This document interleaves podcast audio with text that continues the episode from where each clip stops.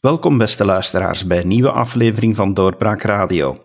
Ik ben uw gastheer David Geens en mijn gast vandaag is Bruno Tobak, Vlaams parlementslid voor SPA. Goeiedag meneer Tobak. Goeiedag. Meneer Tobak, dank u wel dat u wil aanwezig zijn in onze podcast. Het is uh, heel bijzonder om u als gast te hebben, de eerste keer in uh, onze reeks van podcasts. Dank je wel daarvoor. Dus uh, ik, ik hoop dat ik achteraf ook nog mag zeggen met veel plezier. Meneer Tobak, ik uh, zou even willen teruggaan in de tijd. En als ik uh, even kijk naar een paar interessante uitspraken die u hebt gedaan, is dat u eh, na de verkiezingen van 26 mei 2019 gepleit hebt om links terug beter in de markt te zetten. Denkt u nu dat die mogelijkheid aangebroken is nu deze regeringsvorming bezig is? Laten we ons nu Vivaldi of Avanti noemen, of welk etiket ook dat er opgekleefd wordt? Of de opportuniteit er is, dat zal moeten blijken in, uh, in de onderhandelingen als die er, uh, als die er eindelijk komen. Hè. Um, maar ik denk dat, uh, dat in ieder geval, wat, wat SPA betreft, dat we, dat we met, met, met nodige zelfvertrouwen daarnaar kijken in de overtuiging dat wij, dat wij een aantal recepten en voorstellen hebben waar dat we in Vlaanderen iedereen, iedereen mee kunnen vooruit helpen. En dat, uh, dat dat uiteindelijk altijd de bedoeling moet zijn en dat het de kans om dat in een regering te kunnen doen en een aantal van die dingen in de praktijk te brengen, dat is uiteindelijk waarom je, waarom je aan politiek doet. Hè. Oppositie voeren is, uh, is plezierig omdat je alles kunt zeggen. Uh, regeren is soms frustrerend omdat je maar een beetje kan doen, maar je hebt het dan wel gedaan natuurlijk. Wat zijn zoal de zaken die u dan vanuit een sociale partij zoals de uwe als belangrijk beschouwt? Om te beginnen, ik, ik, uh, ik zou mij niet willen laten verrengen tot, tot alleen maar sociale partij, want dat klinkt, dan, uh, dat klinkt nogal beperkend. Ik denk dat het meest sociale dat je kan doen uh, voor iedereen is, is maken dat, er, dat de samenleving vooruit gaat, dat je gezamenlijk in een bepaalde richting aan het gaan bent. En dat je gelooft dat, dat we er allemaal beter van worden. Dus dat heeft niet alleen maar te maken met sociale voorzieningen, dat heeft evengoed ook te maken met, met innovatie, met economische vooruitgang, noem maar op. Uh, op het, op het federale vlak op dit ogenblik denk ik dat ja, de voorbije maanden wel duidelijk gemaakt hebben hoe essentieel dat, dat een goede gezondheidszorg, goede sociale voorzieningen uh, en dan denk ik niet alleen maar aan ziekenhuizen, maar evengoed ook aan, aan rusthuizen, de toegankelijkheid, de betaalbaarheid, de menselijkheid daarvan. Ja, hoe essentieel die voor iedereen zijn. Hè? Zowel voor de mensen die er gebruik van maken, als voor, de, als voor hun naasten, hun familie, hun kinderen, hun kleinkinderen, hun ouders. Uh, het is heel duidelijk dat ons, ons, sociaal, ons sociaal netwerk, ons sociaal vangnet, ja, toch een, een heel cruciaal element van onze samenleving is. Er lekt natuurlijk nu inmiddels al wat uit over de nota die er voor paars-geel was gemaakt deze zomer. Dat de NVA daarin zeker aan de PS een aantal toegevingen had gedaan op het vlak van heel wat zaken die u net genoemd hebt. Is dat dan voor jullie partij op dit moment ook het minimum dat er moet uit de bus komen in de huidige gesprekken? Op die manier denken is altijd een beetje, een, een beetje kort de bocht, omdat natuurlijk dan neemt iedereen die nota letterlijk en zegt van dan beginnen we streepjes te trekken. Uh, maar wat er toen was overeengekomen was, was deel van een globaal pakket waarin compromissen worden gemaakt. Uh, dus of dat punt voor punt hetzelfde zal zijn, dat, uh, dat staat nog te bezien. Maar ja, dat wij, dat wij een, een regering willen, als we erin stappen, die, die een, een pakket aan sociale maatregelen neemt, die zorgt dat er geïnvesteerd wordt in gezondheidszorg die terug zekerheid biedt uh, aan mensen in zaken hun pensioen, in hoe lang ze daar moeten voor werken en wat ze daarvoor gaan krijgen. Dat spreekt nogal voor zich. Hè. Dus uh, ik kon inderdaad wel in grote mate leven met de schematische akkoord die er was met, uh, tussen De Wever en Magnet. Um, een, een nieuw regeerakkoord zal, zal opnieuw afgetoetst worden aan de evenwicht die erin zitten natuurlijk, maar het zal daar niet voor onder moeten zitten. Nee. Integendeel zelfs als het er niet mag onder zitten van, zijn er dan bijzonderheden waar dat eh, u persoonlijk zou willen op aandringen, want u zit in het Vlaams parlement, zijn er dan bijzonderheden waar u zegt van kijk, daar zou toch een verandering moeten in komen om het voor Vlaanderen beter te maken? Ik denk dat, dat er zijn heel veel punten waar je kan zeggen van het voor Vlaanderen beter maken. Ik denk dat uh, een van de grappige dingen is, uh, en sommigen gaan dat niet horen bij doorbraak, maar, uh, maar een van de dingen die het voor Vlaanderen zeer concreet beter zou kunnen maken, is dat we minstens één bevoegdheid herfederaliseren. Dat is namelijk die over, over geluidsnormen. ik ben een Vlaams-Brabander. Ik weet wat een miserie er is gekomen door het, door het regionaliseren van de bevoegdheid rond de geluidsnormen voor de luchthaven. Ehm, dus als je nu één ding zou willen hebben, dat je moet herfederaliseren en waarmee het voor Vlamingen beter zou worden, dan is dat we die bevoegdheid terug op één niveau leggen en, uh, en zorgen dat we dan de last van de luchthaven in Zaventem uh, concreet, uh, correct, eerlijk kunnen, kunnen spreiden over iedereen. Um, maar dat is natuurlijk maar één, dat is één concreet voorbeeld. Ik denk dat de essentie voor SPA, of een van de essentiële onderwerpen in, voor SPA is, is het pensioendossier in de komende, in de komende jaren. Ik denk dat wat de vorige regering gedaan heeft, is, is een pijnlijke maatregel nemen, namelijk het, het onaangekondigd optrekken van de pensioenleeftijd naar 67 voor zeer veel mensen, um, maar zonder er enige zekerheid voor in de plaats te bieden. Um, er, is, er, is een, een er is nog altijd geen duidelijkheid over hoe hoog dat pensioen zal zijn, hoe dat nu concreet zal berekend worden, um, of dat voor iedereen gegarandeerd zal zijn. En ik vind dat dat, een, ja, dat, is, dat is eigenlijk een schande in een, in een rijk en beschaafd land. Ehm, als je mensen laat werken en laat iedere maand uh, bijdragen betalen voor dat, voor dat pensioen, dan moet het ook duidelijk zijn wat er tegenover staat. En aan die soap moet een einde komen. En de zekerheid dat je, van een, dat je na een, een leven lang werken een pensioen zal krijgen waar je echt van kan leven, ja, die, moet er terug, die moet terug in steen gebeiteld worden. Vindt u dat de pensioenleeftijd dan terug omlaag moet? ik, zou, ik denk dat iedereen die, die een beetje kan rekenen weet dat een pensioenleeftijd van 65 uh, eh, vandaag eigenlijk meer dan voldoende zou moeten zijn. Um, ons, hebben we, ons standpunt is altijd geweest, en ik, uh, ik ben daar nog mee aan de, aan de wieg van gelegen. Ik vind dat je niet moet rekenen in leeftijd, maar in, maar in gewerkte jaren. Hè. Voor SPA is de essentie dat um, met de huidige evoluties die we, die we vooruitzien, is dat werken gedurende 42 jaar, effectief werken gedurende 42 jaar, uh, voor iedereen zou moeten volstaan. Dat betekent dus dat als je op je 18e beginnen werken bent, dat je inderdaad op, uh, op 60 kan, uh, kan stoppen. Dan heb je je deel gedaan. En wie pas op zijn, uh, op zijn 25 is beginnen werken, die zal tot zijn 67 moeten werken om die 42 jaar te doen. Dat is, dat is simpele wiskunde. En dat is ook maar fair, want die 18-jarige die begint te werken, die begint dan belastingen te betalen voor die man die nog vijf jaar zal studeren, of vrouw. Uh, dus die mag dan wat mij betreft ook vijf jaar eerder uh, beginnen ontvangen, terwijl die andere nog wat, uh, nog wat langer werkt en, en zijn deel afbetaalt, tussen aanhalingstekens. Dus ik denk dat dat een veel gezondere manier is om, om pensioenen te berekenen en loopbanen te berekenen dan de brute leeftijdshakbijl die men laat ons nu eerlijk zijn, gewoon symbolisch heeft ingevoerd in de vorige regering. Even weg van het pensioendossier uh, wil ik u volgende tweet voorleggen van N-VA-voorzitter Bart Wever. die schreef zeer recent op zijn Twitter: Vlaanderen stemde nog nooit zo Vlaams en rechts. De komende federale regering wordt mogelijk nog nooit zo Franstalig en links. Het verdriet van Vlaanderen ja, u als Vlaams parlementslid, voelt u dat verdriet dan ook of uh, bent u het daar niet mee eens? Ja, nu voel ik, nu weet ik ook weer waarom ik, uh, waarom ik uh, van Twitter wegblijf. dus er is een, een onvoorstelbaar reservoir aan sloganeske onzin daar.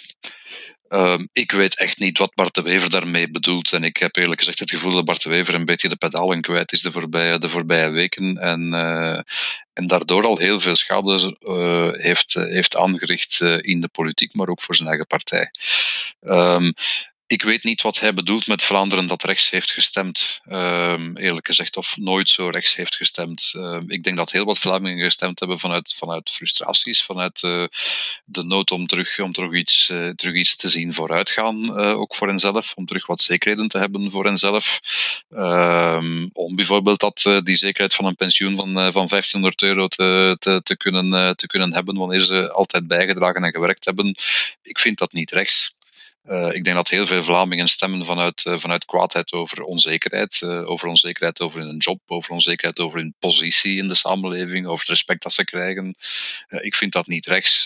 Bart de Wever probeert dat altijd rechts te maken omdat hem dat goed uitkomt. maar ik vind dat niet noodzakelijk rechts. En dus de enige vraag die ik heb eh, van de volgende federale regering is of ze voldoende, voldoende sociaal zal zijn, uh, voldoende respect zal garanderen voor, voor iedereen die, uh, die aan het werk is in, in dit land en die probeert een bijdrage te leveren. En als hij dat, als hij dat links wilt noemen, ja, dan ben ik daar heel fier op.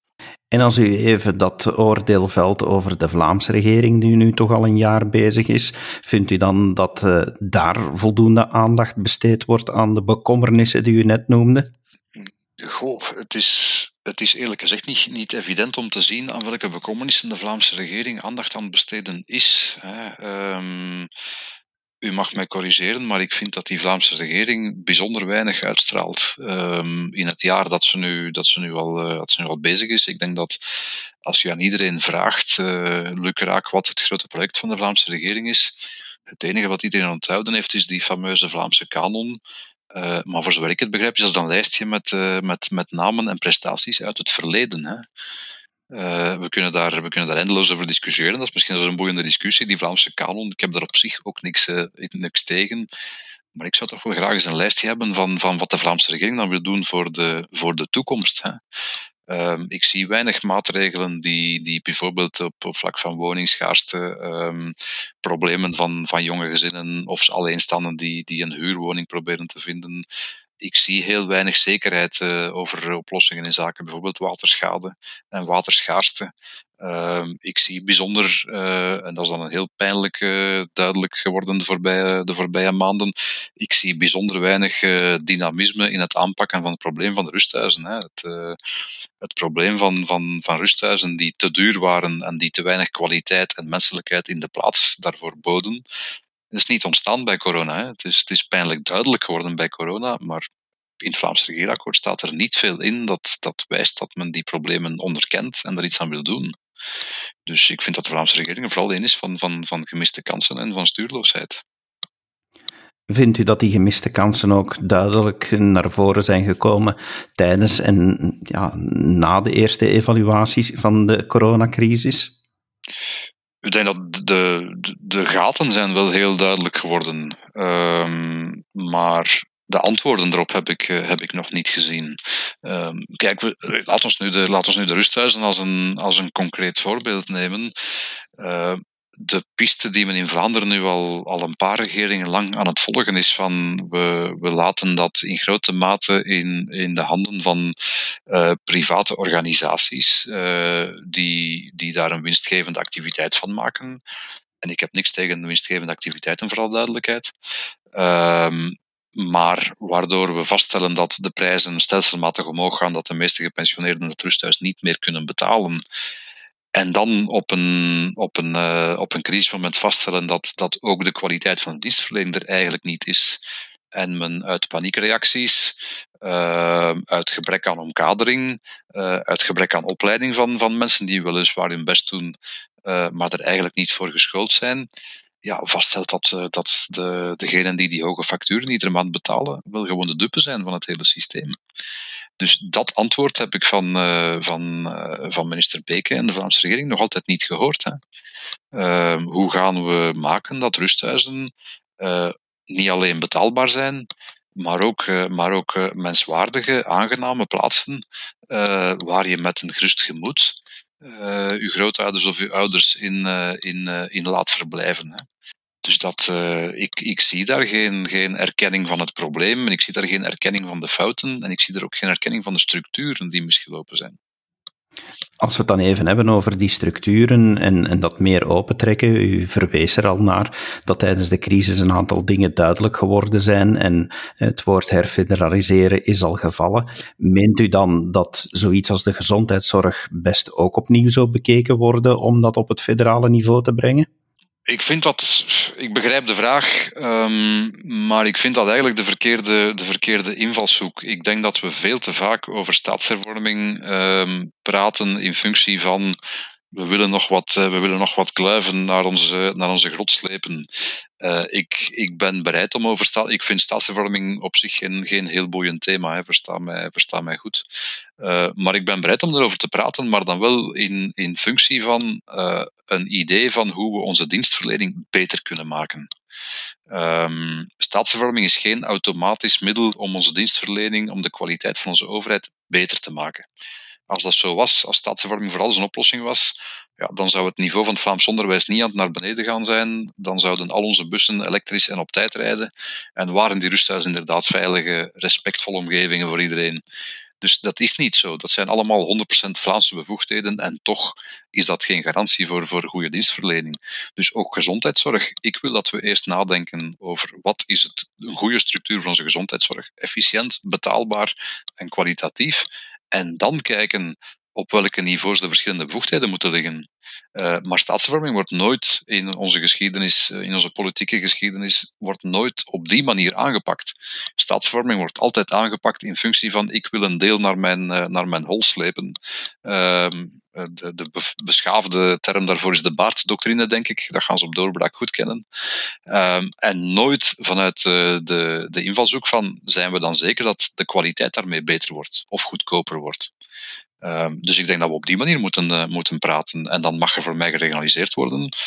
En dan zal er inderdaad in een aantal gevallen misschien moeten gepraat worden over, over herfederaliseren. Ik heb daar geen, ik heb daar geen, geen dogma's in.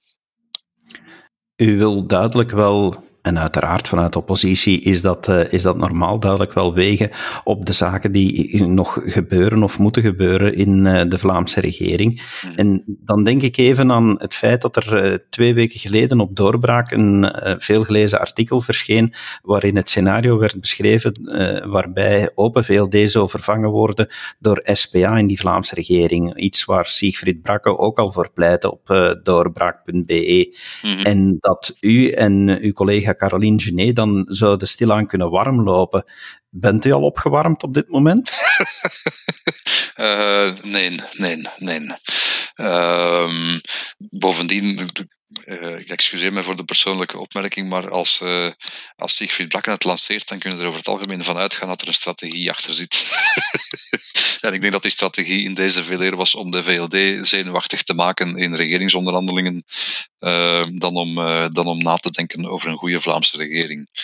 Ehm, dus ik, uh, ik, zie dat, uh, ik zie dat niet gebeuren, al was het maar omdat het probleem dat er vorig jaar was nog altijd daar is. Dat is dat een regering met SPA en niet met VLD eh, in Vlaanderen eigenlijk een heel, heel, heel, heel, heel krappe meerderheid heeft. U zei dan ook dat u zulke krappe meerderheid uh, niet zou steunen, of dat u een coalitie met de NVA niet zou steunen. Is dat een uitspraak die we nog altijd als waarheid mogen beschouwen? Eh, op basis van wat er toen op tafel lag, en dat was niks, um, blijft, dat, uh, blijft dat zo. Ik heb toen ook gezegd dat als, als Bart de Wever wou, wou komen aan tafel zitten met, een, met een zeer links programma en een, en een ja op al wat SPA wil, ja, wie ben ik dan om daar nee op te zeggen? Maar ik heb hem dat toen niet zien doen en ik heb hem dat achteraf ook niet zien doen. Dus ik zou niet weten wat daar nu, uh, wat daar nu veranderd is.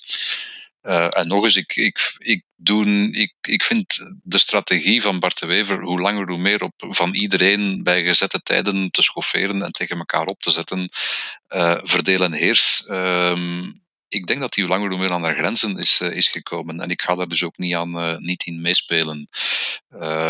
Men heeft geprobeerd om die pistes te lanceren, eigenlijk alleen maar om de Vlaamse regeringspartners nerveus te maken.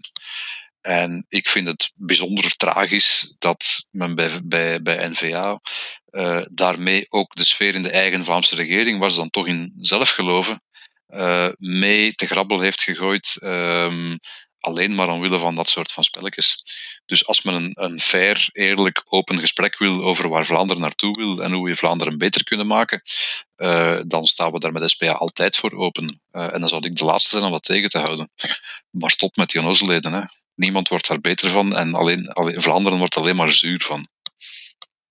Als ik dan even terugspring naar de federale onderhandelingen, dan uh, las ik dat uw voorzitter een week geleden zei dat als er halfweg september uh, geen nieuwe regering uh, klaar is of in de stijger staat, dat er beter nieuwe verkiezingen zouden komen. denkt u dat dat nog altijd het ideale scenario is in dat geval, dat, dat dat voor SPA de juiste keuze zou zijn om dan aan te sturen op verkiezingen? Het is voor niemand een ideaal scenario, uh, maar op een bepaald ogenblik moet je, moet je erkennen dat het nog het enige scenario is en dat je dat moet doen. Um, je kan, je, ik geloof niet in therapeutische hardnekkigheid. Um, ik vind dat je de verantwoordelijkheid moet nemen om te proberen een regering te maken en tot op het laatste moment proberen om dat te doen. Eerlijk, met een open vizier, constructief. Uh, dat hebben we met SPA tot nu toe al een heel jaar gedaan op dat federale niveau. Uh, maar op een bepaald ogenblik is het, uh, is het op en dan moet je naar de kiezer. Uh, zo werkt een democratie. Denkt u dat de huidige formatie kan lukken als je nu nog even kijkt naar wat er vanmorgen al gebeurde? De zenuwachtigheid omtrent een aantal zinnen in teksten. Geeft dat niet blijk van een groot wantrouwen tegenover elkaar? Dat geeft blijk van een zeer groot wantrouwen, ja.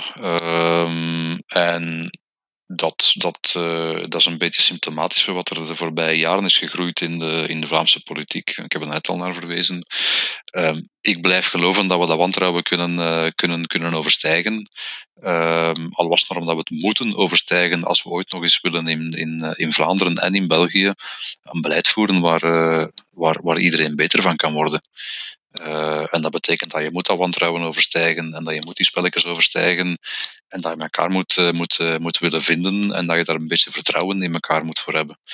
dus het, het wantrouwen is geïnstitutionaliseerd in, in de Vlaamse politiek en we moeten daar voorbij. Als ik nu even naar uw partij ga kijken, dan uh, kan ik natuurlijk niet rond de vaststelling dat u momenteel een vrij jonge voorzitter hebt in de partij. Maar blijkbaar is hij toch al een paar keer de man geweest die erin lukt om mensen samen te brengen aan tafel. Is Conor Rousseau nu de persoon die de partij eigenlijk nodig had, die het socialisme eigenlijk nodig had en er terug een gezicht, een smoel kon opplakken? Ik denk dat hij in ieder geval uh, een aanwinst is voor de, uh, voor de Vlaamse politiek. Um, en ik ben blij dat hij dat bij SPA doet. um, ik kan, we zullen zien of dat, uh, wat het op termijn oplevert. Maar op dit moment denk ik dat hij inderdaad een, een, een de juiste man op de juiste plaats is. En, en ben ik blij dat hij doet wat hij doet. Um, hij heeft natuurlijk een stijl die op bepaalde momenten ook uh, ja, goed, risico's inhoudt. Uh, maar is bereid om de risico's te nemen. En ik ben blij dat hij dat doet. En uh, ik denk dat er ook enig manier is waarop, waarop we vooruit kunnen, ook met SPA. Vlak na 26 mei 2019 was u redelijk kritisch voor de toenmalige voorzitter, meneer John Crombé. En u was zelfs kritisch voor uw eigen partij. Mm. Hoe staat u nu met die kritiek? Van, kijkt u nog, nog steeds uh, naar, naar de dingen die u toen gezegd hebt, of uh, vindt u dat er al verandering is? Wat ik toen gezegd heb, heb ik toen gezegd en, uh, en dat meende ik toen. En als we vandaag in dezelfde situatie zouden zitten, dan, uh, dan, zou, ik, dan zou ik hetzelfde zeggen. maar ik ben blij dat we ondertussen kunnen, kunnen vooruitkijken. En ik, ben, en ik ben vrij positief over wat er vandaag gebeurt. En, en ik ben blij dat we inderdaad aan het vooruitkijken zijn. Um, dus laten we dat maar vooral blijven doen. Waar zit voor u uw partij nu het best aan de knoppen van het beleid of in de oppositie? Um, de, dat is de vraag is, uh, de vraag is, een beetje, is een beetje eigenaardig, want een politieke partij moet altijd ambitie hebben om aan de knoppen te zitten. Het kan soms comfortabeler zijn om in de oppositie te zitten, dat, uh, dat ga ik zeker en vast niet tegenspreken. Uh, maar de ambitie moet altijd zijn van aan de knoppen te zitten. Het is alleen maar daar dat je iets kan, kan realiseren van, van het programma, van de, van de ambities, van de dromen die je, die je hebt en die je, en die je aan je kiezers hebt, uh, hebt voorgelegd. Dus uh, je zit altijd beter aan het bestuur. U spreekt nu over dromen. Wat is dan voor u uw droomcoalitie? Oh, ik heb geen enkele droomcoalitie qua samenstelling. Uh, mijn enige droomcoalitie is dat er is er één die, uh, die terug, eh, die terug iets, uh, iets kan, kan laten bewegen in, in dit land. Die terug iets kan, ja, die, die een richting kan uittekenen. Ik ben nogal jaloers als ik, als je kijkt naar landen zoals Nederland en Duitsland, daar wordt ook uh, politiek uh, gebakkeleid, daar wordt ook ruzie gemaakt. Ehm, maar daar worden, wel, daar worden wel keuzes gemaakt, knopen doorgehaakt en richtingen ingeslagen die men, waar men in lukt van die gedurende jaren te volgen. Ehm, omdat men overtuigd is van, van, van, van dat men daar beter van gaat worden. En vaak blijkt dat ook zo. En in België en in Vlaanderen, want het is net hetzelfde bedje ziek, blijven we altijd in rondjes draaien, uh, altijd elkaar, uh, elkaar blokkeren, uh, blijven altijd proberen om te houden wat er is, ehm, in plaats van vooruit te kijken en te durven springen. Dus mijn droomcoalitie zou er een zijn die is terug, die is terug vooruit kijkt. Hè. We, we beantwoorden in, in Vlaanderen altijd de vraag naar, naar investeringen, naar vooruitgang, met de vraag van ja, uh, ons, gaan van de kosten naar onze kleinkinderen doorschuiven. Maar wat we aan het doen zijn, is niet investeren en dan laat je aan die kleinkinderen een huis met een, met, met lekke tak en rotte muren achter. Hè. Uh, dat zijn ook kosten voor de kleinkinderen. Stilstand vandaag, daar gaan onze kleinkinderen ons voor, uh, ons voor vervloeken. Uh, en laten we dat vooral. ik zou graag teruggaan naar het.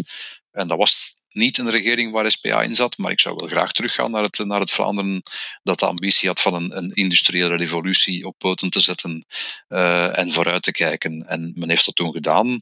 En heel veel van onze troeven vandaag, of het nu biotech of pharma of noem maar op is, komt daaruit voort. Ja, we moeten vandaag wel hetzelfde doen voor de volgende generatie. En we doen dat niet. We zitten alleen maar op wat we hebben.